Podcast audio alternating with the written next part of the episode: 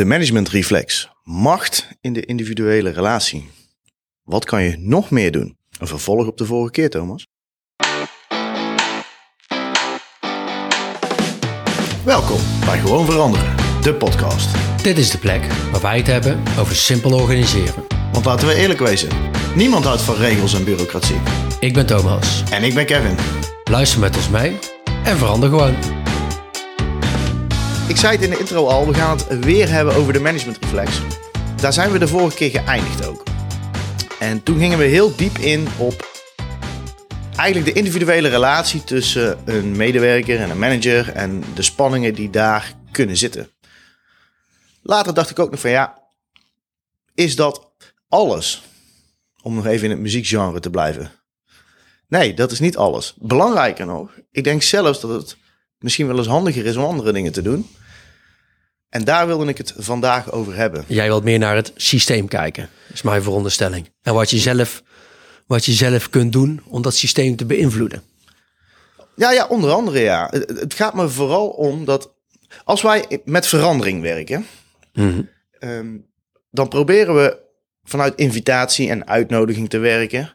En we richten ons en we kijken naar de mensen die willen, in plaats van naar de mensen die niet willen.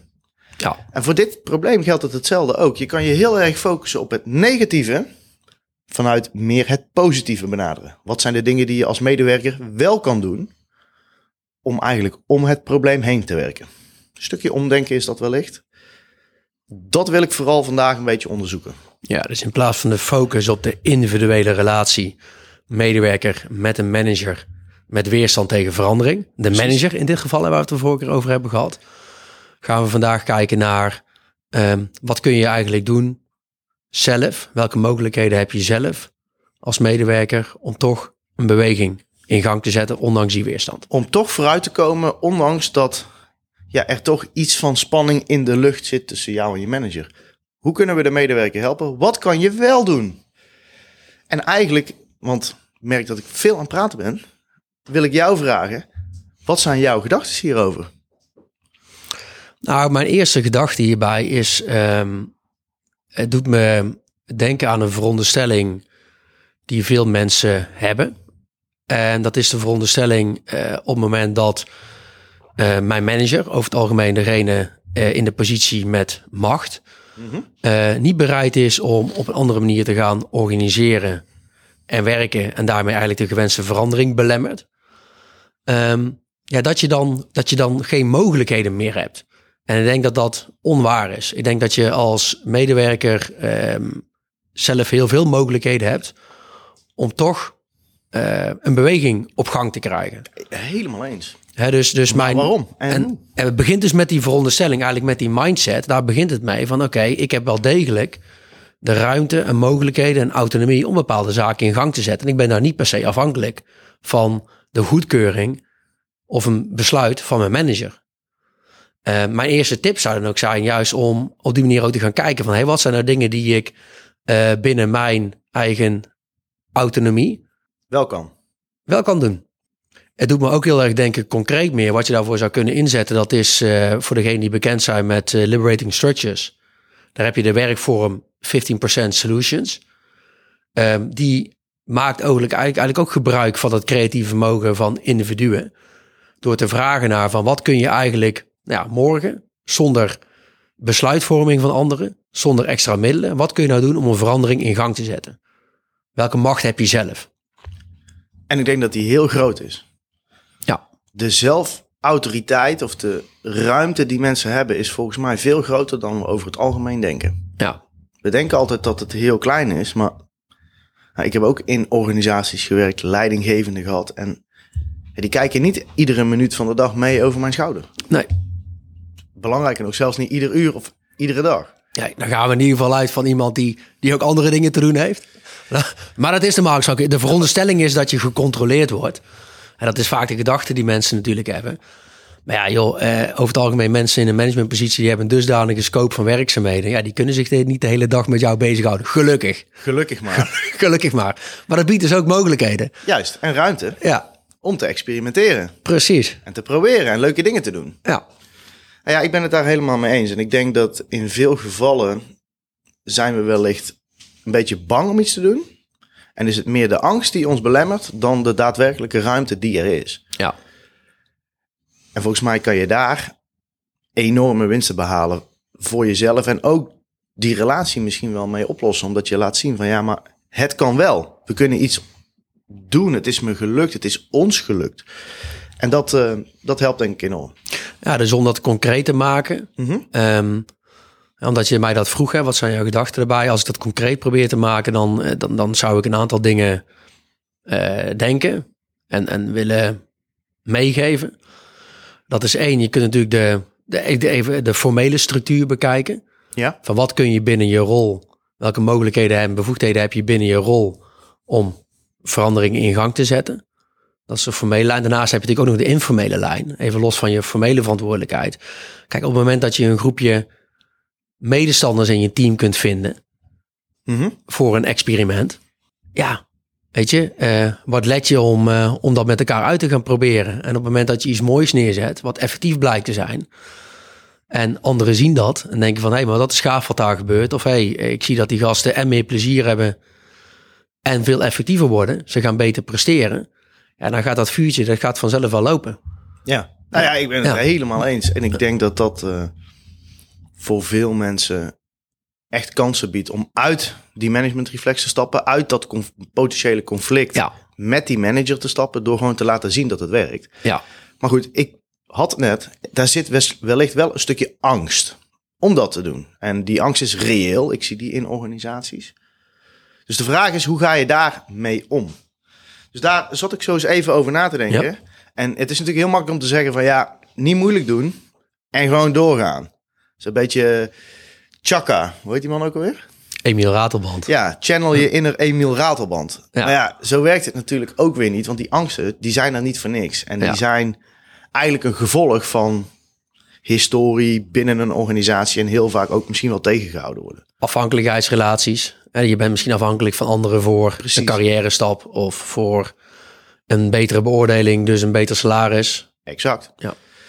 Dus ik zat te denken van, wat zijn dan de plekken waar je die ruimte kan vinden om iets te doen? Want ik denk dat die ruimte er is. Of eigenlijk durf ik wel te zeggen, ik weet zeker dat die ruimte er is. Waar zit die? Nou, ik zou hem dus altijd zoeken ehm, in wat is het gezamenlijke doel van het team? Mhm. Wat is het doel van je manager? Wat is het doel van de afdeling? In die hoek, als je kan laten zien dat het bijdraagt aan de doelstellingen, aan de plek waar je heen wil bewegen met elkaar, Mhm. daar zit altijd ruimte. Want daar zit ook altijd een soort van uitleg van, we hebben dit gedaan, want dit is ons doel. Ja. Daar kan je geen nee tegen zeggen. Dat kun je ook verantwoorden. Desgevraagd. kan je heel goed en heel duidelijk verantwoorden. Ja. Dus dat, dat helpt. Medestanders zoeken in je team, dat is nummer twee. Dat helpt ook. Want als je samen bent, dan sta je een stuk sterker in een inhoudelijk verhaal richting, bijvoorbeeld in dit geval dan de manager die in de managementreflex is geschoten. Dus dat zijn twee dingen die ik wel wil meegeven, waarvan ik denk, ja, als ik zelf in zo'n positie zit, zou ik altijd zoeken naar iets wat in lijn zit met de doelstellingen. Ik zou kijken of er een aantal medestanders zijn Mhm. eh, die je kunnen helpen. En ik zou ook heel vaak eh, echt eens in kleinere iteraties werken. Waarin je stapjes van je idee of je concept of je richting of je ambitie eigenlijk gaat aantonen. Niet alleen voor jezelf, maar ook richting de buitenwereld. En daardoor groeit dat gevoel en van, oké, hier zit iets in, hier hebben we iets te pakken. En dan wordt het van meer mensen. Ja. Dus in plaats van dat je op individueel niveau een conflict aangaat en daar tijd en energie in stopt, wat vaak ook niet effectief is. Want het is heel lastig om een ander te overtuigen Ja. die zelf een bepaalde ervaring nog niet heeft. Hè, die nog niet heeft gezien dat iets anders werkt. Zeg je eigenlijk van oké, we kunnen dan beter klein beginnen. Iets starten wat veilig genoeg is om te proberen. Ja. Iets starten wat, waarvan je denkt, hey, dat sluit aan bij, eh, bij de prestaties of doelen van ons team. Maar ook het belang van die manager daarmee. Inderdaad. En op die manier eigenlijk mensen gaan laten ervaren van... hé, hey, wacht eens even, het kan ook anders. En op basis daarvan doorpakken. Je levert bewijs. Je levert bewijs. Ja. En, en dat helpt. En zeker in ja, het rationele gedachtegoed, wat je toch vaak ziet dat overheerst in organisaties. Ja. Ehm, er is namelijk niet één weg naar Rome. Er zijn er echt heel veel. Ja. En belangrijker nog, als we naar Rome gaan, misschien is het uiteindelijk wel leuker in Milaan of een willekeurige andere stad, als het maar Italië is. Ja. Want pizza en wijn en Italië is een leuk land. Ja. pasta. Heerlijk. Maar goed, voordat we afgeleid raken, terug naar het onderwerp. En mijn gevoel zegt. Tijd voor het bulletin. Het Dat is wel bulletin. toevallig. Het is ook precies op het midden van onze timebox. Dus Ja, ja, jouw eh, innerlijke timebox en klok die tikt gewoon door. En die staat exact afgesteld op eh 15 minuten. Dus het is ongelooflijk eigenlijk. Ja, ik heb weer een nummertje eh, uitgezocht, zoals gebruikelijk. Het nummertje van, van de show. En we zijn vandaag gaan we voor King Gizzard en de Lizard Wizard. Hele mooie naam. Waarom kies ik altijd van die onmogelijke namen uit? Maar Geen goed, idee. het is een enorm vette band. Eh, allerlei stijlen door elkaar. Beetje psychedelisch. Rock, punk, funk, alles zit erin. Geen big band? Geen big band. Het is wel... Nou, het is niet eens zo'n grote... Nee, het zijn vier gasten. Ja. Nee, maar die zijn gewoon live, steengoed, volle bak energie, rete productief. Ze nemen in een half jaar tijd gewoon drie albums op.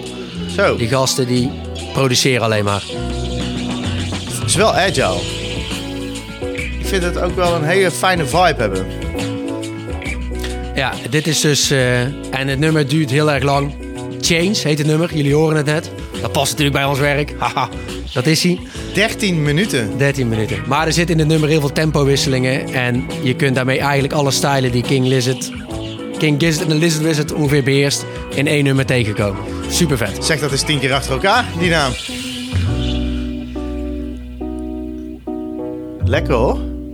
Het doet me ergens ook een beetje de, de lengte van het nummer, eh, eh, de flow, de vibe. Het, het geeft me een beetje Pink Floyd-achtige vibes. Ja, eh, ik snap wat je bedoelt. Misschien ook omdat het een van de weinige bands is die ik wel echt heel goed ken. Kijk, je hoort Hey. het hè. Nou gaat het tempo omhoog. Nou, Mijn- dit, mijn- dit mijn- gaat nog even duren. Ja, mijn inner timebox zegt dat ik verder wil luisteren, maar ook dat er daar een, een klokje staat te lopen. Ah, ik denk dat we wel te pakken hebben. Ja, lekker hoor. Ik ga hem toch eh, langzaam uit gaan zetten. Te beluisteren in onze playlist hè, mensen.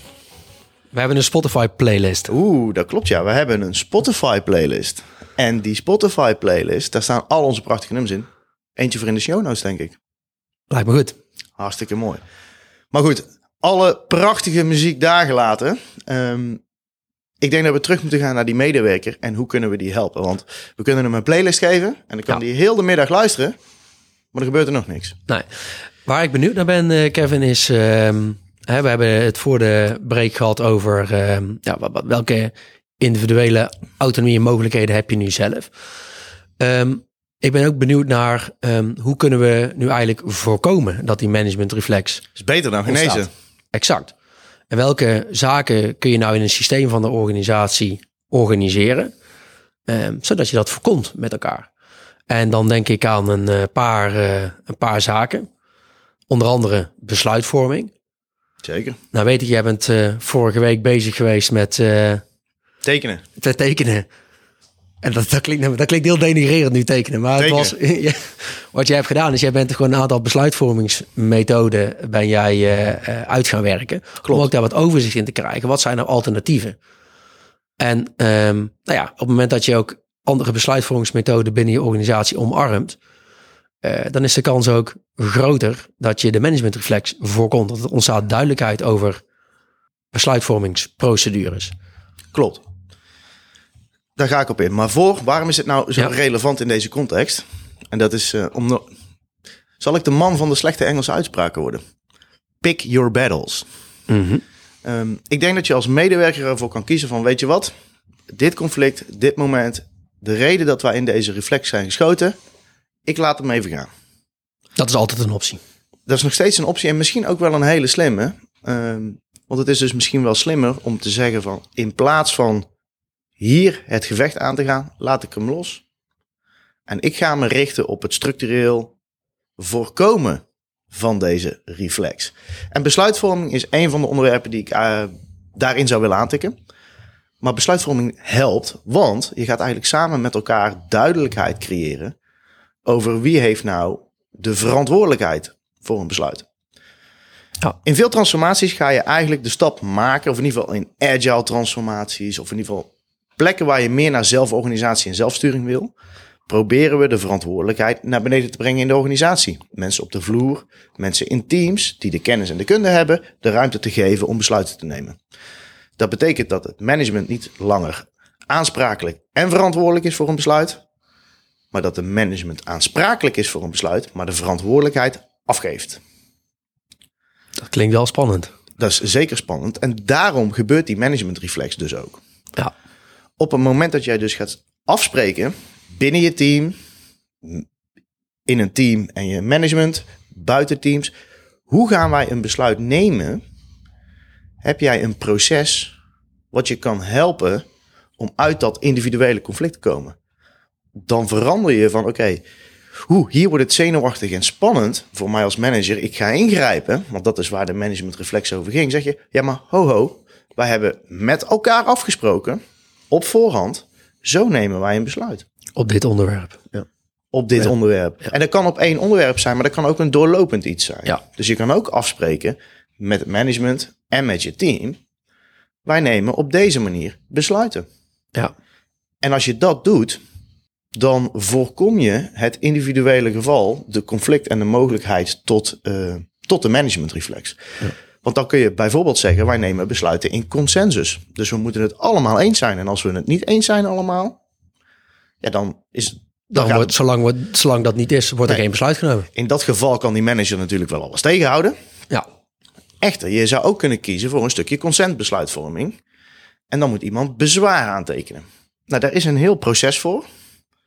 Daar ga ik nu niet helemaal uitleggen. Nee, misschien is, dat voor een, voor een aflevering. Voor een, nou, daar kunnen we een hele aflevering over praten. Alleen dan, in dat proces, zie je wel dat een manager, in dat geval, die in de reflectie bezwaar moet aantekenen. En dat bezwaar mag dus niet persoonlijk zijn. Dat is interessant, want dan kan jij de pijn wel voelen als management. Alleen is er een proces dat de medewerker in dit geval, waar we het nog steeds over hebben, bewaakt. Of ja, bewaakt is het juiste woord Ehm, van die, dat individuele ingrijpen. Ja. Hetzelfde geldt. Er zijn feitelijke argumenten nodig. Er zijn feitelijke, degelijke argumenten nodig. Je moet, kunnen laten, je moet kunnen aangeven dat het schade oplevert voor een organisatie. Ja. Om een besluit tegen te houden. Ja. Dus een bezwaar aantekenen tegen een besluit moet valide zijn. En kan niet zeggen, je kan niet zeggen van ja, het voelt niet goed. Of als ik zeg van we gaan de muur rood verven. Ja, dat is leuk, maar ik vind rood niet mooi. Ja, maar is dat voor de organisatie relevant? Ja. Voor het doel wat we hebben. Misschien is rood dan wel heel relevant. Of is het een persoonlijke, persoonlijk bezwaar? Ja. Oké, daar, gaan we, daar gaan we nog een keer uitgebreid over doorpraten. Ja, want er zijn nog twee andere dingen die, uh, die daarin heel erg helpen. Ja, vertel. Even een slokje. Ik neem eerst even een slokje drinken. Nou, ik denk dat het belangrijk is dat je afspraken maakt over uh, welke gedragingen willen we zien met elkaar. Wat vinden we belangrijk? Wat zijn onze principes? Wij werken veel met werkafspraken, guiding principles. Als het gaat over dit soort dingen doen, ehm, als je met elkaar afspreekt van vragen naar keuzes maken. Dat is een van de gedragspatronen die wij vaker bespreken, zowel hier met elkaar als ook in workshops met klanten. Als je dat met elkaar hebt afgesproken, dan zeg je ja, ik snap dat je het niet leuk vindt, maar we hebben gezegd in plaats van vragen gaan we naar keuzes maken.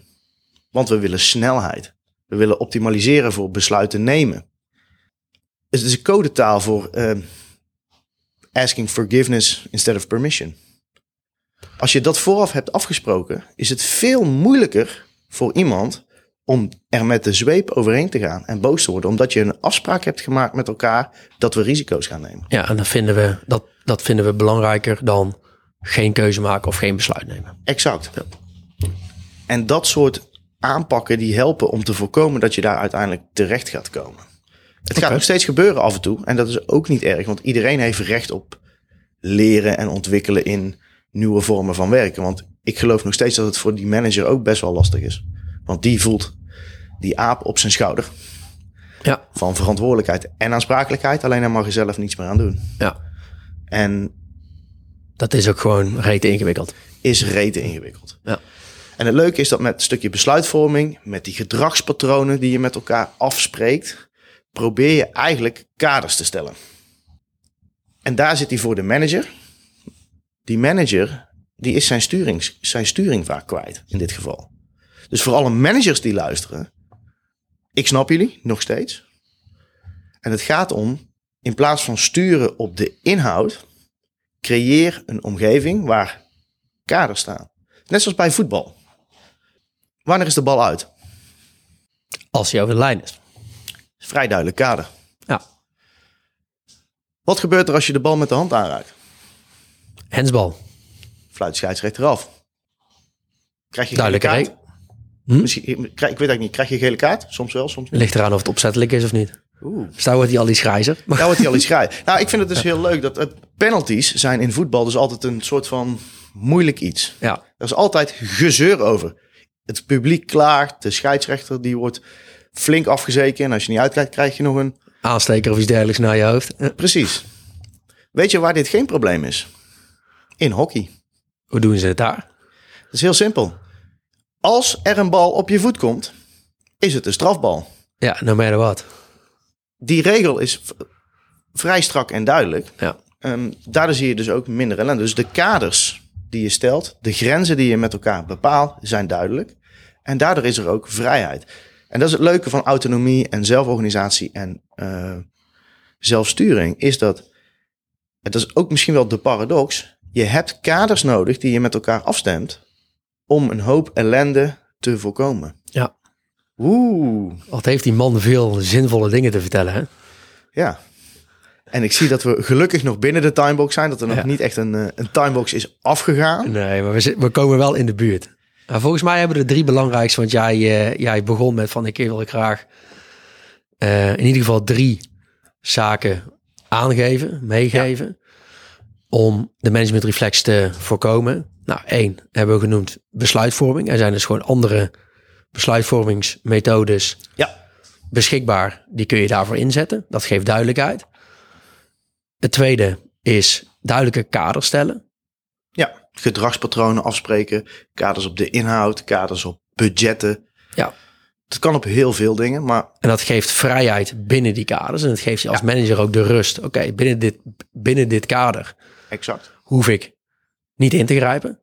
Want dat is de afspraak die we gemaakt hebben. En de derde die jij noemde, dat is ehm, het maken van afspraken over nou, eigenlijk gewenst en ongewenst gedrag. Dat klinkt Ja. altijd een beetje fout, vind ik. Maar ja, de naam is misschien Ja, niet zo... maar dat maakt niet eh. uit. Het gaat erom zeg maar, dat je met elkaar bepaalde werkafspraken en principes gaat hanteren. Die ook weer duidelijkheid geven. Ja. Dus volgens mij is de kern van de zaak duidelijkheid. Oeh, dat is een fijn woord. Een Duidelijkheid. hele, Ja, een hele mooie afsluiter. daar ga jij goed op, hè? Duidelijkheid. Duidelijkheid, daar ga ik heel goed op. Ja. Oké, hey, laten we hem daarmee gaan, eh, gaan, gaan afsluiten. Zeker. Mag ik jou vragen om eh, even de praktische afronding eh, te doen? Want jij hebt die, Zeker, eh, zeker weten. Ik heb daar een heel mooi lijstje voor. precies. Nou ja, wil jij meer weten als luisteraar over duidelijkheid, besluitvorming en hoe je dit allemaal moet doen? Zit je met dit probleem en weet je niet hoe je verder moet?